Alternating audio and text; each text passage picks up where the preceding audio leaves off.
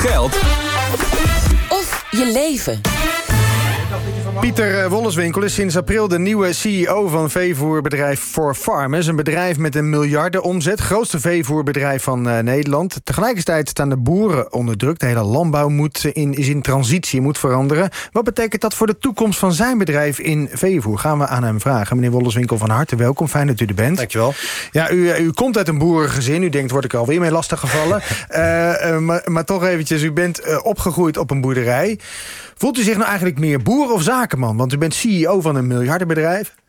Um, volgens mij kan ik het in mijn geval nooit los van elkaar zien. Ik ben uiteraard een zakenman. Ik sta aan het hoofd van een groot bedrijf en dat is mijn primaire taak. Maar wij zitten zo kort en zijn zo intrinsiek verbonden met de boeren... dat dat ook bij mij eh, dagelijkse kost is. En wanneer komt dat boerenverstand om de hoek kijken bij u? is het wel eens weg geweest, zal ik dan uh, zeggen.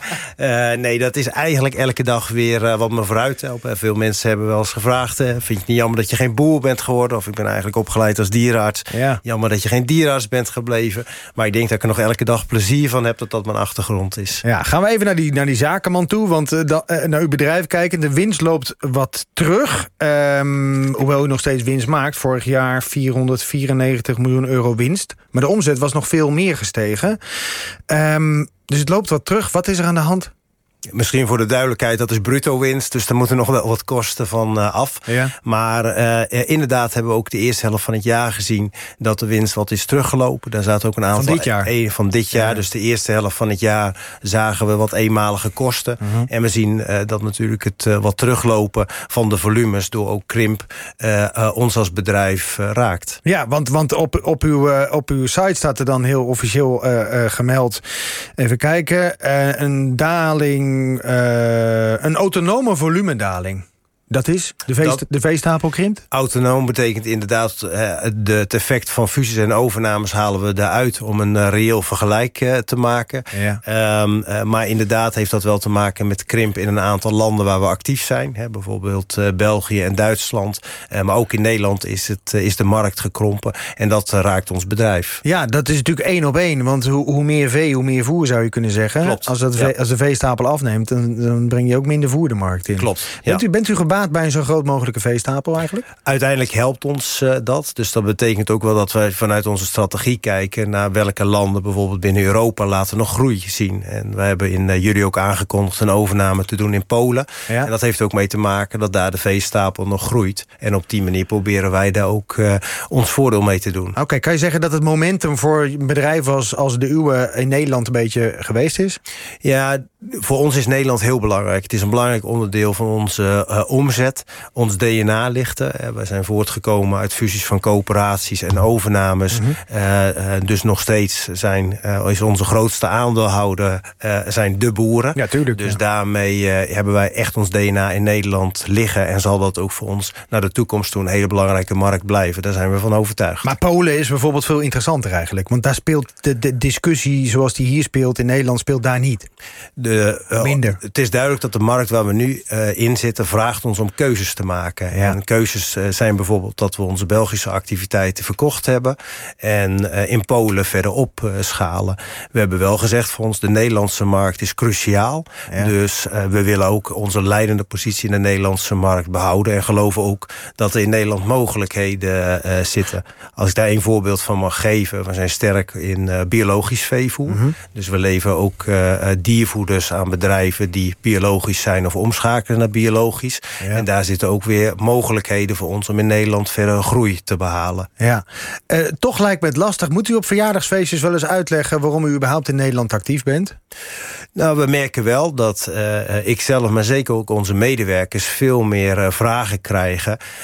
en daar proberen we onze medewerkers ook in mee te nemen. Want ik denk dat we een ijzersterk verhaal hebben. Wij vinden dat we een onderdeel zijn van de oplossing. We proberen onze veevoeders elke dag, elke maand, elk jaar duurzamer te maken. Lagere CO2-footprint, voornamelijk ook doordat we meer en meer reststromen vanuit de levensmiddelenindustrie kunnen inzetten. Mm -hmm. nou, daar heb je denk ik een fantastisch verhaal als voor farmers, maar zeker ook in Nederland als het gaat over voedselvoorziening. Maar die, dat is wel een dialoog die we actief moeten en willen voeren. Ja, um, maar even naar die veestapel kijkend. Moet die kleiner wat u betreft?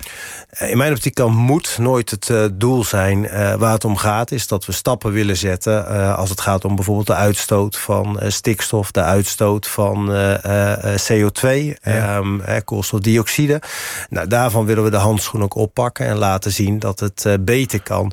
Wat voor ons belangrijk is, dat we dan ook echt sturen op die getallen. En niet zozeer dat we zeggen, er moeten nu minder vee komen. Als we door innovatie mooie stappen kunnen zetten... zijn wij ervan overtuigd dat het efficiënter is. Het kost ja. minder geld dan uitkopen. Ja. En er is veel meer draagvlak voor. En zeker dat laatste hebben we natuurlijk in de afgelopen vier jaar gezien... dat dat cruciaal is om stappen vooruit te zetten. Ja, dus u, u zegt vooral innovatie moet het dan doen. Maar dan kijk ik eventjes naar een, uh, een uh, rapport wat er uh, uitgekomen is. Onderzoek van de Wageningen Universiteit dit jaar. Dat zegt dat technische apparatuur in de veehouderij... om stikstofuitstoot te verminderen... werkt veel minder goed dan we eerder dachten. Kortom, zit daar wel muziek in? Ja, in onze optiek zit daar muziek in. we zien inderdaad dat vaak de systemen onder bepaalde omstandigheden getest worden... en dan mhm. Bijvoorbeeld een afname laten zien van 90 procent. Nou, dan wordt er gemeten en blijkt dat het geen 90, maar 85 procent is. Mhm.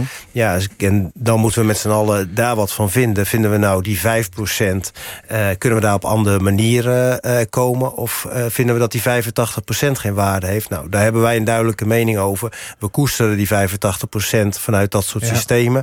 En door andere innovaties gaan we de andere 5 procent realiseren. Dat is natuurlijk ook uw commerciële belang. U zou natuurlijk geen knip voor de neus waard zijn als u hier iets anders zou zeggen. Want u, u bent gewoon gebaat bij zoveel mogelijk voer uh, in Nederland te verkopen, plat gezegd. Misschien is dat dan het boerenverstand.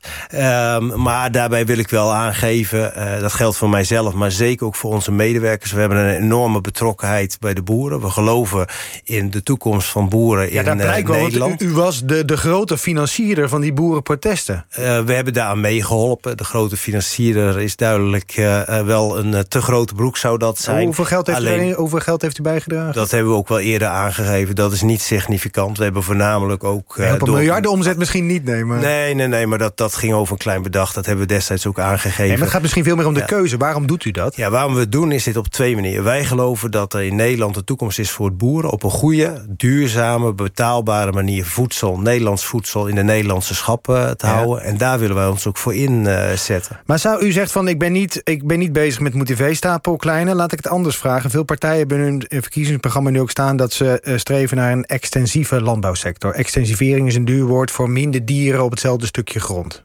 Dat, betekent, dat, klopt. dat betekent met andere woorden minder dieren in Nederland. Uh, wat het ook betekent is dat je moet gaan sturen op wat wil je daar uiteindelijk mee uh, bereiken en welke ruimte ligt er nog wel ja, voor herstel van de natuur willen al die zeker, partijen. Zeker, dus. Hè, dus dat is uitstoot biodiversiteit. Dat zijn thema's waar wij vaak samen met de boeren aan werken. Mooie projecten hebben in Maar kunt u dat onderschrijven? Want daar ben ik toch wel even benieuwd naar. U als, als, als CEO van de, de grootste veevoerbedrijf in Nederland. Onderschrijft u dat we toe moeten naar een extensieve landbouw? Manier van landbouw? Ik heb moeite met het woord uh, moeten. Hè. Uh, wat wij vinden, en uh, dat wordt Willen, mede door... het zal waarschijnlijk een gevolg zijn van de keuzes die gemaakt worden... en de kaders die gesteld worden. Maar dan, dan, zegt u, dan zegt u, sorry dat ik u weer onderbreek... maar dan zegt u van ik ben het er eigenlijk niet mee eens... maar ik ben eraan overgeleverd. Nou, wij vinden dat we moeten sturen op de doelen die we willen halen. En de doelen is bijvoorbeeld minder stikstof, minder CO2-uitstoot. En daar moeten we met z'n allen op sturen. Waar ik pertinent moeite mee zou hebben... als we mhm. zeggen, we willen dat er zoveel minder koeien zijn... of zoveel minder varkens in Nederland. Daar bereiken we in mijn optiek niets uh, mee. Het gaat om dat we de doelen die we onszelf stellen... uiteindelijk ook gaan halen. Ja, is dat... Eh, kijk, wordt u ook wel eens moe van dat u die kritiek krijgt... van ja, jullie zijn ook op de hand van die boeren... en jullie willen natuurlijk zoveel mogelijk beest houden... en jullie willen helemaal niet veranderen? Nou, waar ik wel eens moeite mee uh, heb, is hè, alle begrippen daaromheen. Begrip agri-reus uh, vindt af en toe eens een keer de media.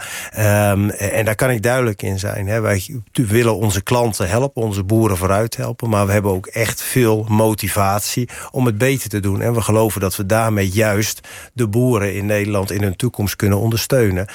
Word ik daar wel eens moe van om uw vraag te beantwoorden? ik zie het als echt een onderdeel ook van mijn taak om dit soort gesprekken te voeren. En ook daar daarmee ervoor te zorgen... dat mensen nadenken over ja, de toekomst van hun voedselvoorziening... naar, naar, de, naar bijvoorbeeld 2030 toe. Maar als we gaan extensiveren, dus minder dieren per stukje grond houden... dan, dan komt die voedselvoorziening in gevaar voor onszelf, denkt u? Daar maak ik me wel zorgen op. Dat je op een gegeven moment gaat zien... doordat je echt afscheid gaat nemen van grote hoeveelheden vee in Nederland... dat je daarmee vooral ook je betaalbaarheid van het voedsel onder druk gaat zetten.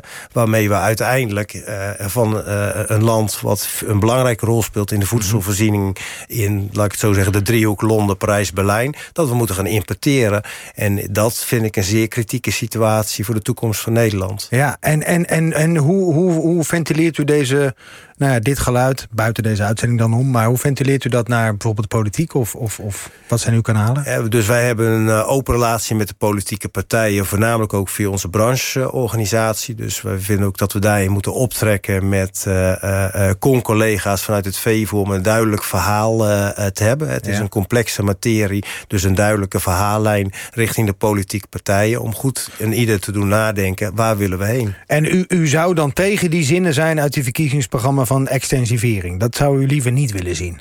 Nou, extensivering, als het gekoppeld is aan het doel wat je ermee wil bereiken... hebben we daar niet zoveel uh, uh, problemen mee. Maar zolang we maar het doel elke keer voor ogen uh, houden... Ja. en daar zien we voor onszelf ook de mogelijkheden om de boeren ja. te ondersteunen. Verwacht u al met al dat u in Nederland steeds minder omzet zal gaan draaien als bedrijf?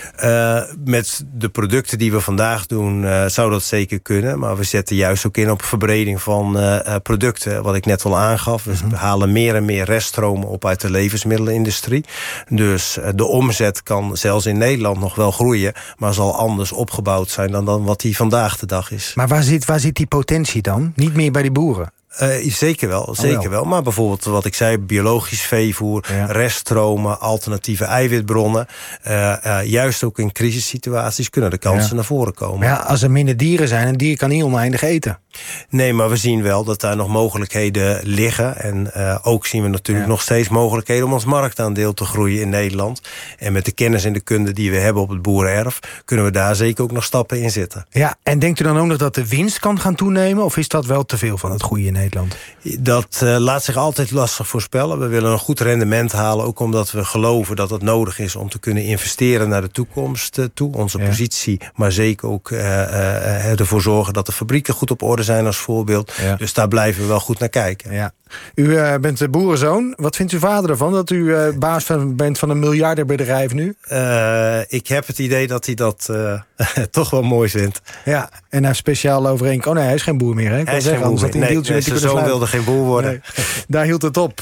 ik dank u hartelijk voor dit gesprek. Pieter Wolleswinkel, CEO van Four Farmers, grootste veevoerbedrijf van Nederland.